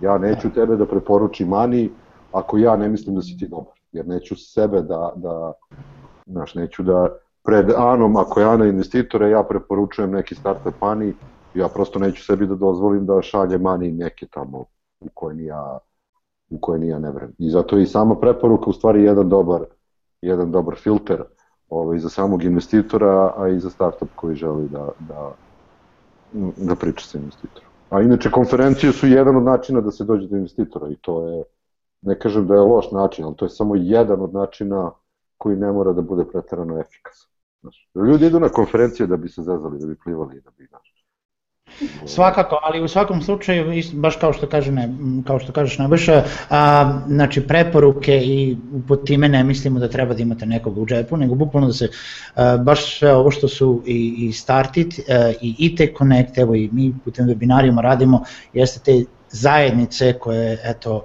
omogućavaju ljudima da se spoje na neki način, da počnu neki razgovor i ovaj, time da uđu u to društvo koje jel da, zna ovoga ili onoga ili može da vas poveže sa nekim. Pre nego što pređemo na pitanje, imam zadnje pitanje za, za uh, vas oboje, a to je uh, u čemu startupi najčešće greše? Prilikom znači, prezentacije ili kad, kod uh, svoje ideje koje misle da je fenomenalna, u čemu najčešće greše? Evo, ne, Nebojša već ima spreman odgovor zašto sam to slušao na IT Connectu. ovaj... to je priča od sat vremena, gde ćemo sad? Kratko, ukratko. pa najčešće greši što ne uradi domaći zadatak. Znaš, i što gomila stvari koje mi pričamo, evo i sve ovo, što, znaš, većina ovoga i što je Jana rekla i što sam ja rekao ovde, to sve postoji online, to sve, ništa nismo mi ovo izmislili. I, ovo, i, i, i prosto, znaš, kad, uh, u čemu najčešće, najviše greše, znaš. Ima puno grešaka koje pravi, zaljubljivanje u svoju ideju, nepostojanje tima, to da hoću da budem gazda, to je kod nas posebno izraženo. Vidim ovde među komentarima neko je to pomenuo. To je kod nas posebno izraženo, ali generalno mislim da najčešće gledaš, gledam startupe kad pičuju na nekim događajima, kad, kad prave taj pitch. Prosto, prosto ne mogu da verujem da pre toga nisu otišli na YouTube i pogledali 10 pičeva kako to ljudi rade i uradili isto tako. i, i, i, I prosto ima jako puno blogova i stvari, ne mislim na TechCrunch na ovo, ali jako puno blogova koje možeš da pročitaš za nedelju dana i puno stvari da te bude jasno i da, i da o, prosto svaki startup može sam da ukapira u čemu najviše greši i da, ali ne znam kako bi to formalizovao, kažem, to je priča od, od sat vremena, ali to neko, neko ne, nepoznavanje elementarnog jezika koji se koristi u industriji, elementarnih nekih stvari, a, koje, koje su toliko javno dostupne u svakim, u svim elementarnim knjigama i na blogovima, to je, to je ono u čemu, u čemu ja mislim ljudi kod nas najčešće greš. Ne znam, dolaz, imao sam prilike nekoliko puta da mi startupi traže da im potpišem NDA. To je nešto što, što je prestalo da se radi pre 15 godina. Niko neće da vam potpiše NDA, ni za što. Niti će iko da vam ukrade vašu ideju, niti će iko da, da, da, da ne znam, ovaj, ne znam šta da, da vam uradi sa vašim proizvodom koji postoji, pa onda nećete nekome da ga pokažete. To su te neke elementarne stvari koje su bukvalno dostupne na, na, na naš... Dovoljno je da odeš na YouTube i da pogledaš 10 pičeva sa YC-a ili sa, dobro, toga nema, ali sa 500-a ili sa, sa nekih pičeva, ima toga milion. I eto, 90% pitanja, 90% ovog pitanja će da se, da se odgovori. Ana? A, trude se previše. Oni se toliko trude, znači trude da u tom trudu ja ne, zablokiraju se kompletno, ako se radi o piču. Znači, plus ovo što ne, znači, Nebojša rekao, mislim, ono, ne, da ne istraže najosnovnije stvari, uče kako pić izgleda i čemu trebaju pričat, ali um, ja bi, umjesto da čitaju blogove, ja bih savjetila da ne gledaju videa. Znači, ono, imaš Pioneers uh, finale, ima ono, videa, gledaj videa, gledaj kako ljudi pičuju. Gledaj kako uvodi priču, kako priča priču, kako dolazi od problema, dolazi do rešenja, da te negdje zaboli. Um, Znači, to je ono i osnovno. Ako, ako nekog negdje na početku tog pića ne zaboli nešto, ajmo reći, a to je onaj kom ciljaš, znači da to prodaš, i ako mi nisi uspio prenijeti u bol, onda, onda jednostavno si već na krivom tragu. Ali ono, gledajte, znači ljudi gledajte YouTube.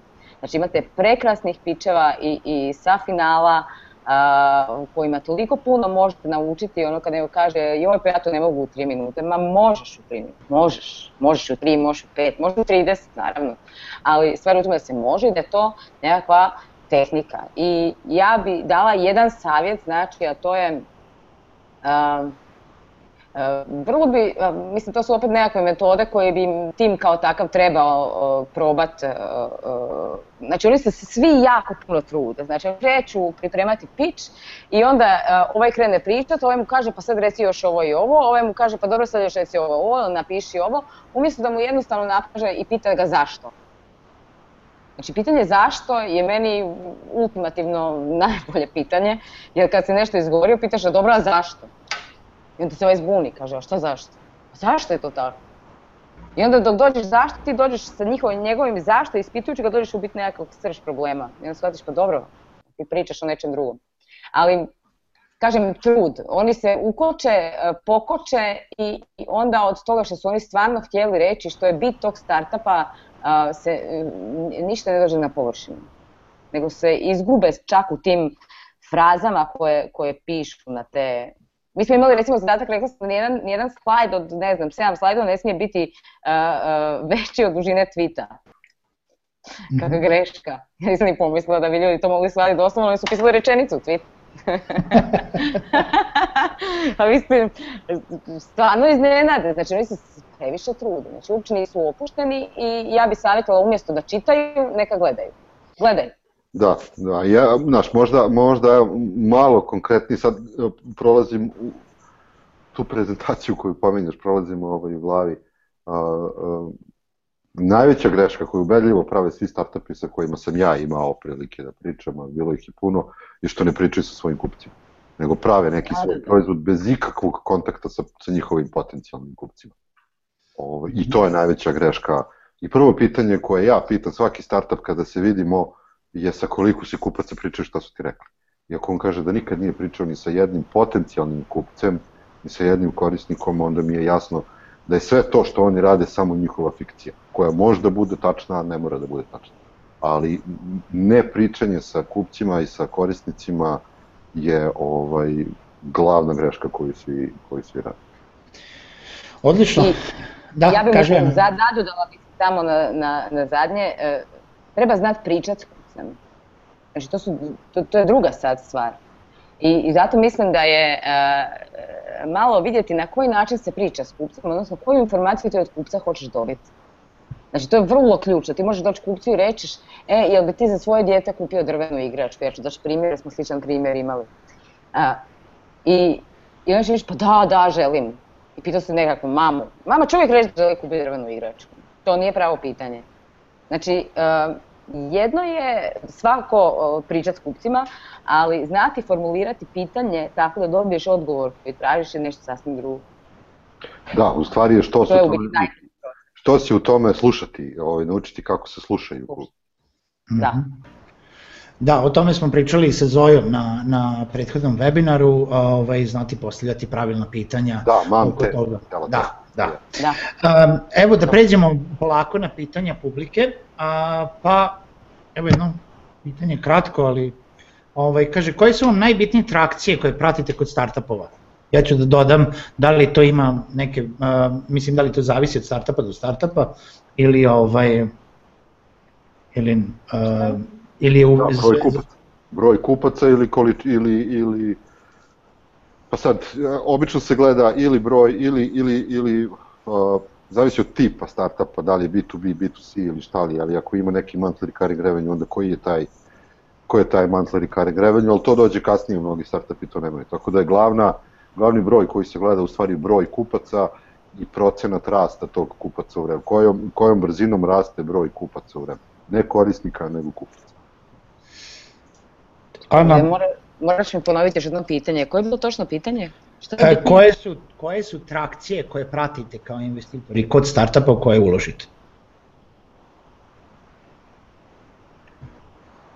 Pa da, ovo je, ovisno, stvarno ovisi o kakvom startupu radi, može biti i jedno i drugo, ali brojčana vrijednost, znači ono, broj kupaca. Uh mhm. -huh. Sledeće pitanje, koji su osnovni... To bila a, osnovna motivacija i interes mentora startupa. Zašto radite ono što radite? Zašto mentori rade ono, zašto mentori, mentori šta je motivacija mentora u startu, kod investitora? Ono što nije motivacija mentora je novac i ono što nije motivacija mentora je procenat vlasništva u firmi. Znači, dobri mentori nikada neće tražiti ni novac, niti će tražiti procenat vlasništva u firmi. To mogu da traže ukoliko taj mentorship prerasta u consulting. Kada se desi da startup ima nekog mentora koji je vrlo, da kažem, u toj materiji, iz tog biznisa i može da mu pomogne znaš, u razvoju, u direktnim kontaktima, u razvoju samog, samog tržišta i, uložu, i ulaženju kod, kod nekih kupaca, što više nije mentoring, to je onda consulting. Kada ti ja napravim, kada ti ja dovedem tri kupca ili 33 kupca. To onda nije mentori. Ovo, I u tom slučaju može motivacija mentora da bude da li novac, da li neki minorni procenut u firmi. Ali generalno mentori pomažu startupima zato što hoće da, da pomažu startupima, zato što žele da budu okruženi pametnim ljudima, zato što su oni pre svega nešto uspeli i, i znaju koliko je bitno ovaj, pomoć koju su od, od svojih mentora dobili i žele to da vrate nazad drugim startupima uh, i prosto žele da vrate nazad ovaj nešto nešto nešto toj toj toj toj zajednici. Naravno da će mentori da mentori pomažu tako e, time što su mentori što pomažu startupima oni grade i svoj personalni brend.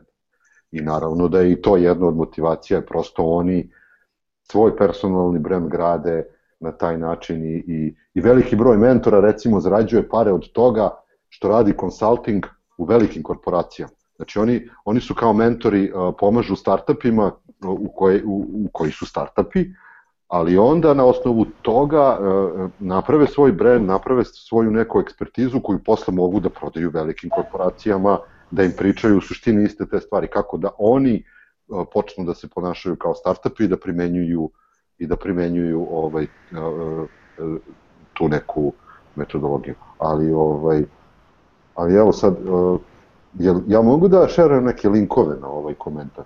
Možeš, slobodno, a možeš da šeruješ screen pa da, ovaj, pa da postaviš na ekran. Ali mo, a možeš i posle da nam pošalješ linkove pa ćemo mi to da. svakako staviti u YouTube. Poslao sam ovde ovaj jedan link koji se zove Mentor Manifesto Techstarsa. Može. Gde je u stvari jako, jako lepo objašnjeno šta Techstars očekuje od svojih mentora. I on ovde u drugom kaže, ne. u drugom bulitu kaže expect, na, expect nothing in return, you'll be delighted with what you get back. I to je vrlo dobra definicija toga zašto ovaj, zašto mentori rade sa startupima.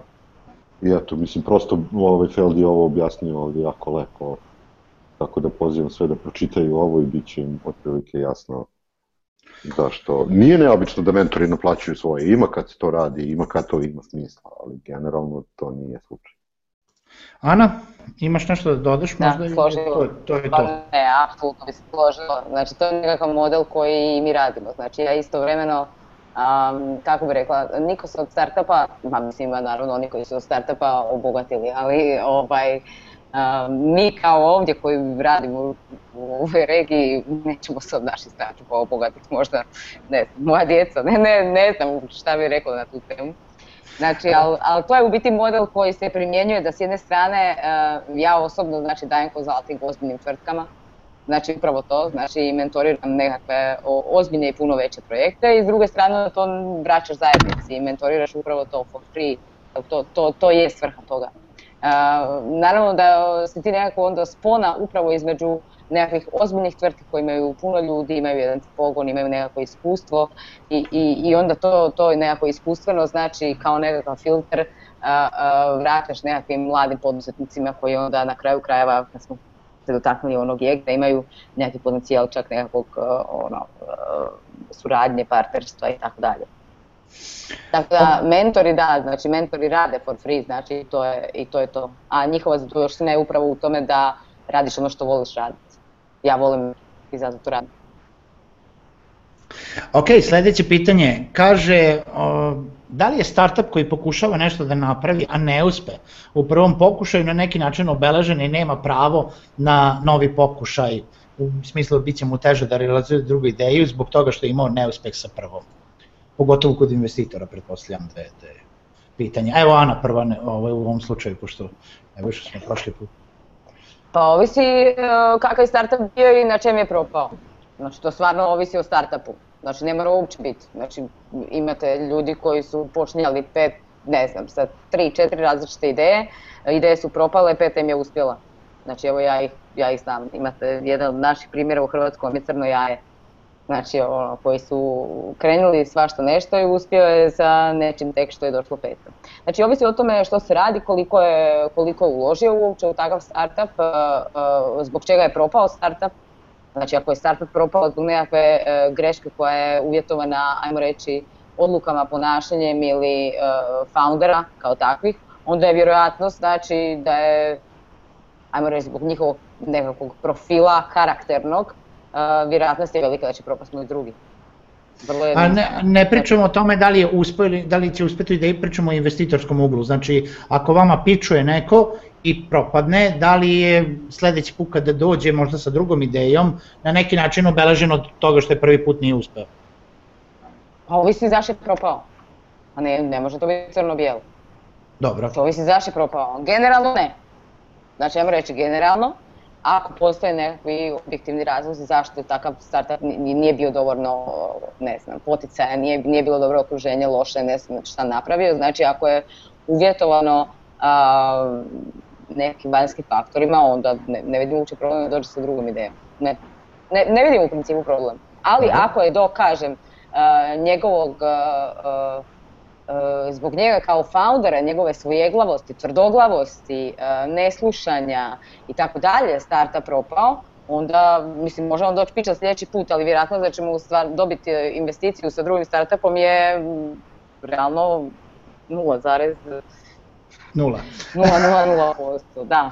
Ne više? Da, slažem se, zavisi kako je propao. Da. Zavisi kako je propao i zavisi šta je naučio iz tog, iz, iz tog, iz tog faila. Da. Dešava se da ljudi propadnu, da im prosto krenu nešto da rade i to ne ide, ali, ali dosta toga nauče i onda to znanje mogu da prenesu u sledeći startup. I mi, ja čak ovaj, i volim da vidim startup kome to nije prvi pokušaj, nego mu je drugi pokušaj. I, ovaj, ali kažem opet, zavisi od toga na koji način je propao prvi startup. Dobro. Sledeće pitanje je, kaže, šta bi bila neka checklista za startupe pre razgovora sa investitorom? U smislu, čekirao sam sve, sad mogu da vas kontaktiram. Hmm? Da znaš. Aha. Evo, Ana, kaži, Može. kaži. Checklista. Checklista. Da li imaš problem? I koji je tvoj problem? Ko su ti uopće kupci? Ko ima taj problem? Koji je tvoj problem? Koji problem rješavaš? Naravno, najbitniji je problem. Ako nemaš problem, već si u problemu. Ako imaš veliki problem, onda imaš vjerojatnost da imaš i veliko tržište koje riješi taj problem. A, da li znaš uopće ko ti je kupac? A, I da li znaš da on treba taj tvoj proizvod i koliko je spreman za njega platiti. To je to. To bi bilo za mene. Da. Ne baš? Pa slažem se sa onom to što je ona rekla. I, to je to. Iako bi bilo lepo da postoji takva checklista. Znaš, i onda... Pa evo, na to. stoji, ovaj, tako nešto, ovaj, tako da, znaš, pokaži mi, pokaži mi putanju do, do, do kupaca i, i, i mhm. putanju do, do, do revenue i to je to. Dobro, sledeće evo pitanje malo više lično. A, a, da li smatrate da je portal honorarci.rs startup? Donosi inovacije na tržištu regiona, ali takve stvari već postoje na globalnom nivou, kao što su Upwork, Elance, Freelancer i slično. Ne baš. Prvo mislim da inovacija nije toliko bitna za startup. Znači ne mora startup da ima inovaciju, ja mrzim tu reč inovacija. Ove, treba da postoji neka inovacija i to je, ali ne moraš ti da izmisliš toplu vodu da bi bio startup, niti moraš da budeš Nikola Tesla da izmisliš struju da bi bio startup. A, to što nešto već postoji ne mora da znači da je to loša ideja. A, tako da i to, što, to ne isključuje da je to dobar startup, ali mislim da portal nije startup. Portal nije startup ko što ni aplikacija nije startup, ko što ni uh, website nije startup. Uh, ja da bi znao da li honorarci ili bilo koji drugi sajt jeste startup, ja moram, znaš, treba prvo videti ovo što je rekla Ana, koji problem on rešava svojim kupcima, da li umeš da dođeš do tih kupaca i koliko tih kupaca ima. Ali evo, generalno, kad je već pitanje o honorarcima, a priori mogu da kažem da je bilo koji proizvod koji je namenjen lokalnom tržištu nije startup koji je interesantan investitor. Znači, prosto ovo domaće tržište je jako malo za bilo koji startup da bi se u njega uključili investitori. Što ne, kaže, što ne znači da od toga ne može se napraviti dobar posao. To može da bude dobar posao za tebe kao, kao, kao vođu tog, tog sajta, da imaš neki izvor prihoda i da rasteš i možda kasnije iz toga da izraste nešto drugo, ali prosto tu nema dovoljno mesta da se uključi neki investitor. Prosto, ovo govorim prosto iz činjenica da se radi o proizvodu koji je namenjen lokalnom, lokalnom tržištu. Da. Ana? Pa evo, ja za honorarke nisam znala, pa sam ih sad ono, zgooglala i skužila sam da je, eto, da, na, nije na engleskom jeziku, po meni priča starta, pa tu staje. Isto lokalno, tako, znači lokalno tržište. Da, ako bi on napravio, vidim da ima svega i svačega, tako da mi ono, stvarno bi morala vidjeti uopće ono, a, o čem se radi, ja stvarno ne znam ni o čem se radi pokušavam čak vidjeti o čem se radi, ali nisam još skužila. Dobro. Ali nisam ni puno vremena provela. Ne, nema problema. Ovaj, e, idemo dalje. E, ukoliko ideja i proizvod ukoliko je ideja i proizvod od velike važnosti za zajednicu, a pritom i dobro zarađuje, da li je pametnije tražiti investiciju privatnih investitora ili ipak pratiti bespovratne grantove? Ne boj se. Pa to je sad zavisi od foundera. Da li hoćeš da izađeš na dnevniku sa ajde ne pominjem imena, da li hoćeš da budeš narodni heroj ili hoćeš da praviš posao, jedno i drugo je okej. Okay. Mm -hmm. ovaj, ali ono što je bitno reći je da kad jednom kad izabereš put, onda, ne, onda se jako teško pre, prebaciti na drugi. Znači, ako jednom kreneš putem grantova i državnih fondova i državnih investicija, jako teško se posle vratiti na put privatnog kapitala i obrnuto. Tako da, ovaj, ako je nešto profitabilno i ako je korisno za društvo, ako sam dobro zapamtio pitanje. Da, da, da, da. To je jako dobar, to je to je jako dobar model za svakog investitora. Investitori vole da investiraju naravno u profitabilne, mislim, ne u profitabilne, ali u kompanije koje imaju potencijal da da u nekom trenutku postanu profitabilne, a pri tome su društveno korisni. To je sjajno. To je, to je, to svaki investitor voli da vidi. Ovaj, e sad, da li ići kod privatnika ili kod državnih, to je više lična, lična stvar, eh, lična stvar eh, osnivača. Ja bi uvek pre, preišao ka, ka privatnim kapitalom, putem privatnog kapitala, jer nikad nisam ovaj, želao niti imao neku motivaciju da ispravljam krive drine ovaj, i da se bavim takve stvari. Ana? Pa dobro, moje se tu stajalište malo razlikuje od, od Neboše. ali i iz e, čisto je e, možda nekog drugačijeg aspekta. Znači, e, pitanje je za čega trebaju novci. To, to je mhm. ključno i osnovno što hoćeš s tim novcima i u kojem razdoblju želiš nešto napraviti.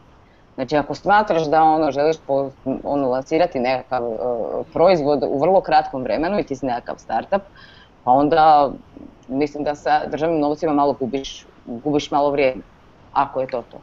A s druge strane, opet drugo pitanje je šta želiš da radiš, znači što, što želiš raditi i Mislim, ako trebaš investitora, onda trebaš nekakav novac koji je, ajmo reći, uključuje i mentorstvo i sve drugo, znači da govorimo o nekom smart maniju. Ako tražiš državne pozicije, onda tražiš stupid money. Get money and run. um, Kod nas sad malo iz perspektive Hrvatske uh, govoriti o, o grantovima, pa mislim da imamo trenutno smo u jednoj šumi grantova, ili ih ima toliko da ih više ne, ne staneš ni popraviti sve. Evo, juče je izašao jedan, prekjuče je izašao jedan, ovdje je ovaj daje ovoliko, ovoliko, stvarno se malo, malo je teško čak i pratiti ovaj, to, tolika, to, tolika sredstva i tolike natječaje.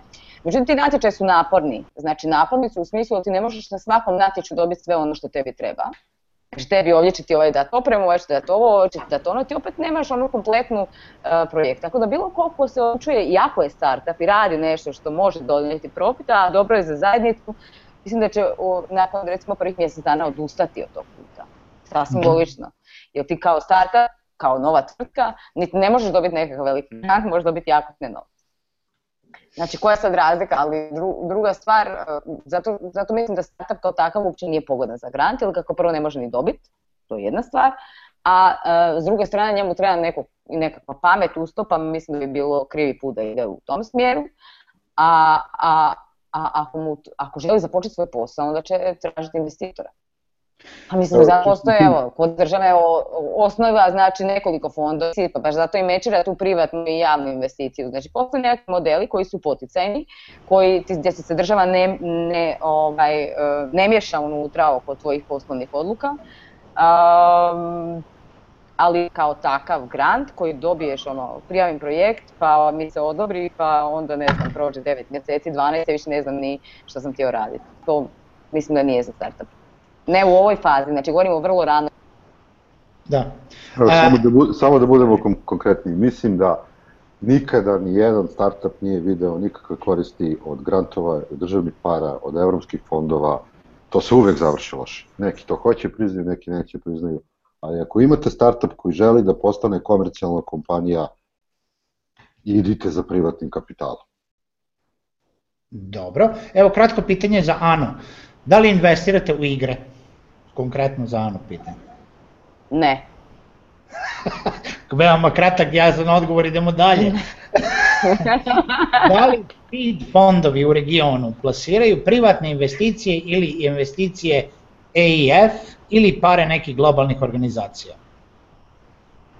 Da li, molim te ponovno pitanje? Naravno. Da li seed fondovi u regionu plasiraju privatne investicije ili investicije Evropskog investicionog fonda ili pare nekih globalnih organizacija. Znači, odakle dolaze pare seed fondova? Iz javnih izvora. Osjećam se ko na kvizu. ali tačan, da, ali je, tačan ali, odgovor.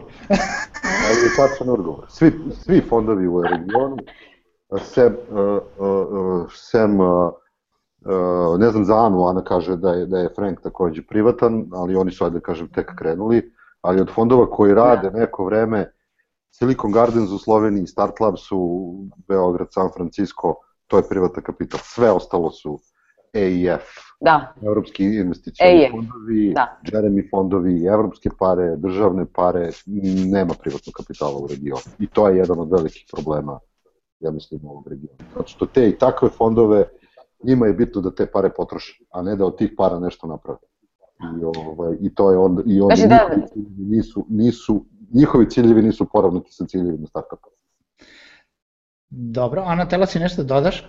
Znači, moram se, moram se samo da dodati, znači, nisam tu mislila na Frank, znači, kod nas to apsolutno nema, tako da, ono, mi imamo privatne, privatne da. investitore i ljude koji žele uložiti u, ali za sve druge, znači, ovo što i sve što je prisutno, znači, to je to je, to je javni novac. To je sve investicionalni, ja, investi, institucionalni javni, javni kapital. Javni, E, idemo dalje, evo jedno pitanje koje smo, ja mislim, odgovorili tokom ovaj, našeg izlaganja, ali kratko ćemo samo da se vratimo.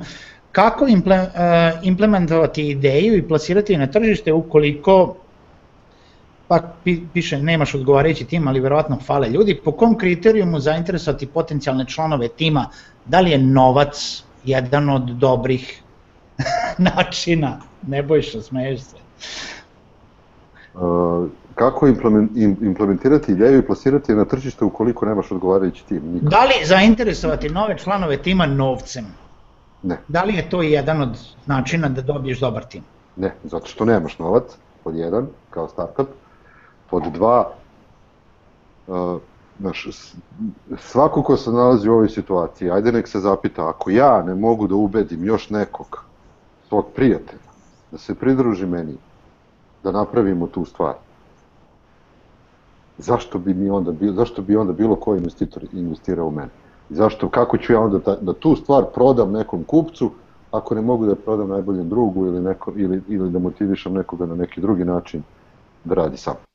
Mm -hmm. To onda ili nije dobra, i dobra ideja ili ne znam, ali nikako novcem. Vi da motivisati nekog novcem, to može da rade velike korporacije koje imaju jako puno novca i kojima je u, u, u cilju da motivišu ljude novcem. Ali start, founderi u startupu ne rade za platu. To nije, novac nije nikakav motivator. Treba ih motivisati procentom firme, ako, ako nečim hoćeš da ih motivišeš. To je, evo, evo, ja ću da preskočim jedno pitanje da se nadogradim sa sledećim. Šta mislite o equity crowdfundingu? To je dobro, dobar naslov. To je relativno nova stvar koja je krenula. Nisam siguran koliko ovaj, koliko mi još imamo uh, data i podataka da bismo mogli tako nešto da ocenimo. Uh, mislim da treba sačekati još malo pa videti kako to, uh, kako to ide, ali ovaj, ali znaš, ja, ja se uvek pitam zašto, zašto to postoji, zašto, ako je neki startup toliko dobar, kako, zašto onda on ne može da uzme investiciju od nekog investitora, nego da ide na equity crowdfunding. Mm -hmm. tako da nisam, nisam siguran da sam još uvek dovoljno uh, pametan oko te teme uh, da bi ovaj da bi mogao, ne ja, nego bilo ko da bi mogao, to je tek krenulo, vidjet ćemo šta će od svega toga da ispada. Dobro, Ana, da li si tu? Ana, ima nekih, i bilo je prekida, kratko veze, nema veze, idemo ovaj, dalje sa pitanjem pa ćemo se vratiti. Evo jedno zadnje pitanje za sada, kaže blesavo pitanje, kako pričati sa investitorom ako je sam investitor iz uže ciljne grupe samog projekta? Evo ne bojša za tebe dok se ovaj dok se Ana ne priključi nazad. Sa investitorom možeš da pričaš možda a, možda se misli na to da je investitor potencijalni korisnik tog. Da, verovatno. A onda sa njim pričati kao sa kupcem, je jedan način, na drugi način ne vidim ne vidim da pravi bilo kakvu razliku priča se sa njim na isti način kao što se priča i sa i, i sa investitorom ukoliko on nije uži, nije iz uže ciljne grupe tog, tog proizvoda. Znači sve u svemu nema, nema, nema, nema razlike. A, pa to bi bilo to što se tiče pitanja E, evo ja, ja ostavljam još minut, dva, da ako se neko seti još nečega i dok se Ana nama vrati, ako se uspe vratiti.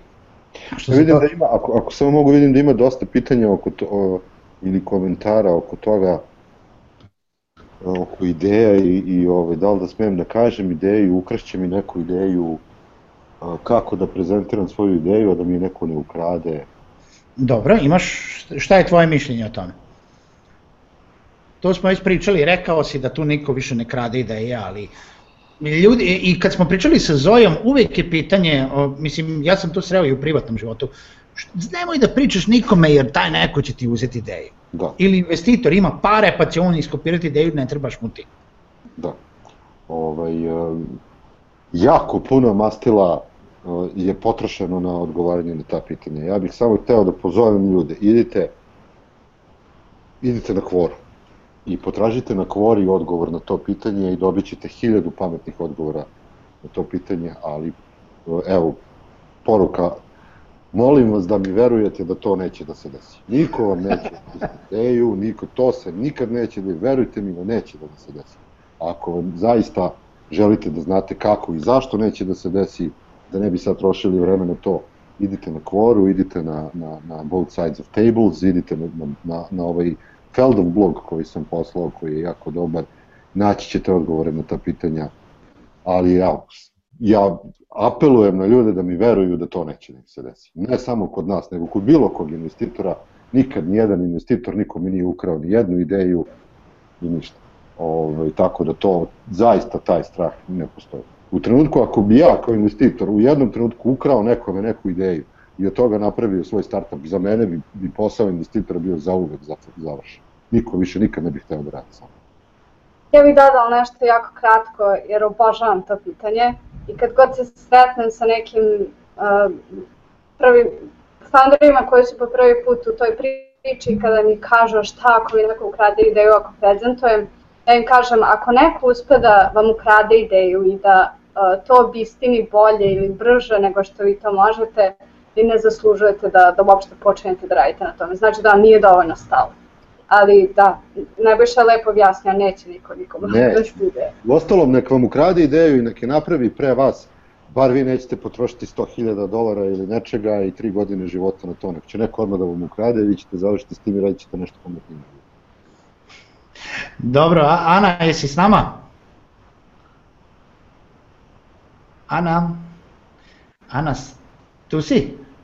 Ja cijelo vrijeme puca veza, evo ne znam, ovih zadnjih 5 minuta, me čujete? Jeste, čujemo, vidim da, da ulaziš, e, izlaziš, e, sve da. okej. Okay. Cijelo vrijeme i pukne mi veza. Ja slušam, čujem vas sve manje više, ali evo to, eto.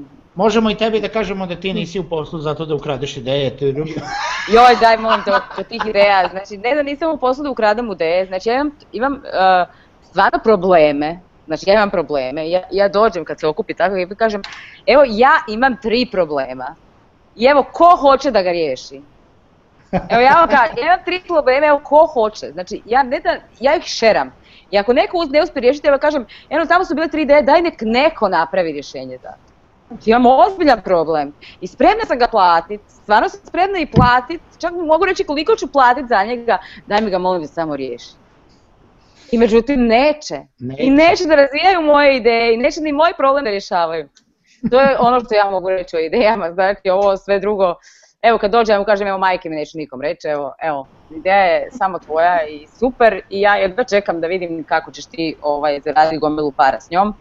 Ali u međuvremenu kažem ja imam hrpu problema i vrlo rado ovaj, svoje probleme dijelim okolo i tražim rješenje za te probleme.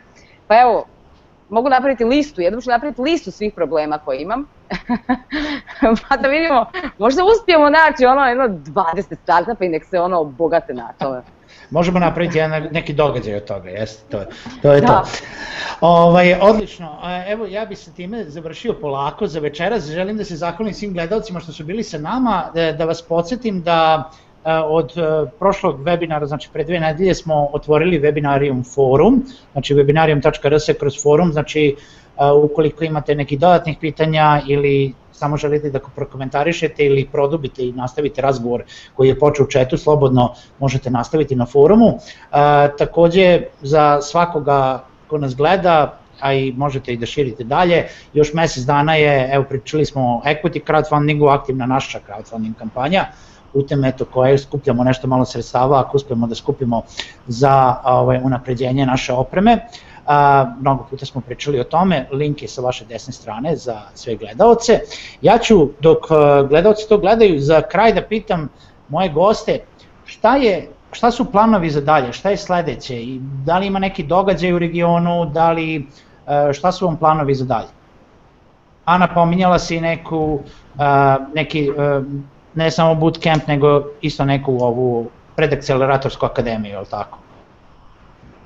Da, da, da, da, da, na nama u devetom mjesecu znači kreće predakceleratorski program koji će trajati nekad, nekakva tri mjeseca. Um, Imali smo pitanje tokom webinara, da li će to biti besplatno ili se plaća?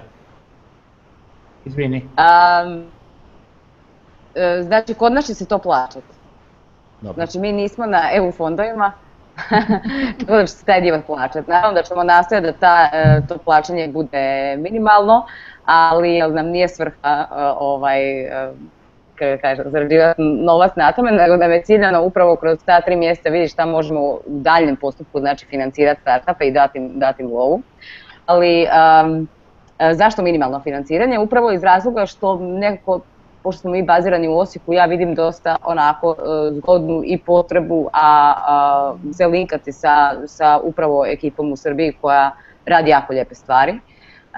I start i ti Nebojša, znači ima vas stvarno ono, ono puno i mislim ako udružimo snage da to može ići još bolje.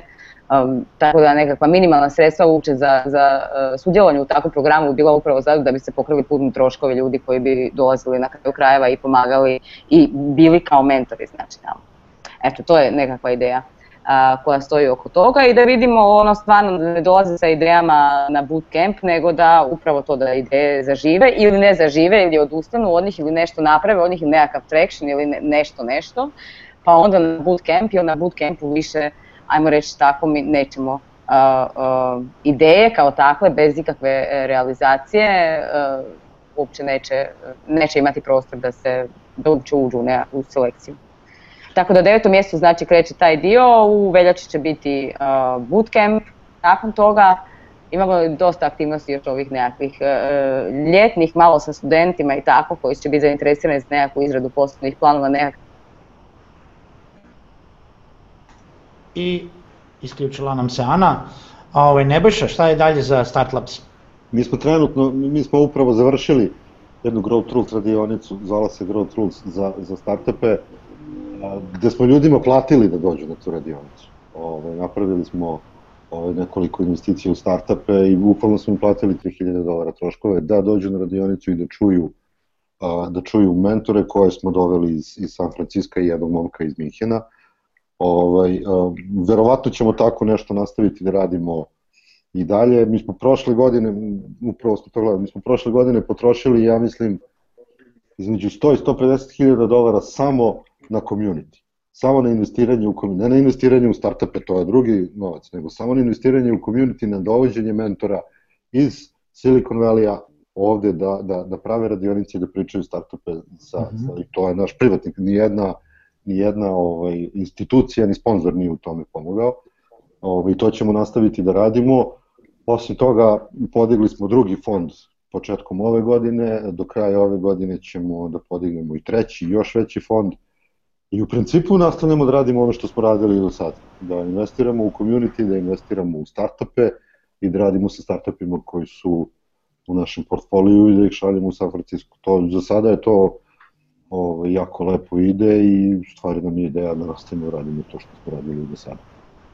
Super. Um, Marija, šta je, vi ste uvijek puni startite događaja, šta je da. sledeće uh, na, na vašem repertoaru? Već sam najavila Starti centar znači za jesen. Um, najbliži događaj od danas je, još uvek ga nismo zvanično najavili, ali do kraja nedelje ćemo, uh, u petak 12. juna se u Domu omladine održava takozvani Fuck Up Nights meetup. Uh, to je, Fuck Up Nights meetup je potekao iz Meksika i proširili su se na 130 nešto gradova u svetu i ljudi se okupljaju tog jednog dana u mesecu i pričaju o failovima, odnosno o propalim projektima. I uh, mi se to o, u sledećeg petka pridružujemo po prvi put um, ovom pokretu, da ga nazovemo tako, i, i dovešćemo domaće lokalne investitore, uh, ne investitore, preduzetnike, uh, koji će pri, pričati o projektima koji su im propali. Cilj je da se svakako ne, ne da, da, da ubedimo zajednicu da je ok da oni propadnu, već da kažemo da je ok probati. Ok da probate svašta, da, da isprobate, da naučite mnogo toga na tom putu, a sledeći put će valjda biti uspešniji ako, ako uradite domaći zadatak i naučite uh, nešto na tom failu. Dakle, to ćemo, to ćemo već najaviti na startitu i, i nadamo se da će eto, neko od vaših gledalaca da se pridruži nama i da čuje te priče. Eto, super, super, odlična ideja, znači Fuck Up Night, ovaj, to je interesantno kako smo par puta već rekli, ovaj, a, a uopšte ne zvuči kao psovka. Ovaj, ta, ovaj, u svakom slučaju, želim da se zahvalim svim gledalcima, danas smo bili nešto duže sa vama online i bilo je više gostiju, više smo pričali, nadam se da ste izvukli nešto pametno iz ove priče, mojim gostima posebno hvala, Nebojša, Ana, Marija, hvala vam lepo što ste izdvojili vaše vreme da budete sa nama u webinarijumu i ovaj, uh, to je to. Uh, imate li nešto za kraj da dodate za gledalce, neka zadnja poruka? Hvala, hvala na pozivu. Hvala na pozivu i probajte, sve u tome da se proba i, ovaj, i, i, i što više puta probate, više puta ćete biti. Ana, tu si s nama? Nešto za kraj? Jesam, jel me čujete? Čujemo jel me čujete? A, život je prekratak, a godinu dana od danas ćete biti ljuti na sami sebe što niste probali. Toga, šta čekate? Marija? Slažem se. Samo probajte, samo se igrajte. I ako niste zadovoljni, u Jobsova rečenica najbolje, ako niste zadovoljni onim gde ste sada i šta sada radite, znači vreme je da promenite nešto. Da, ima se ona politička emisija što kaže, da ne pominjem njena, što kaže ako on je dobro, onda ništa. U svakom slučaju, svima hvala što ste bili sa nama, doviđenja i do sledećeg webinarijuma, laku noć, prijatno. Ćao.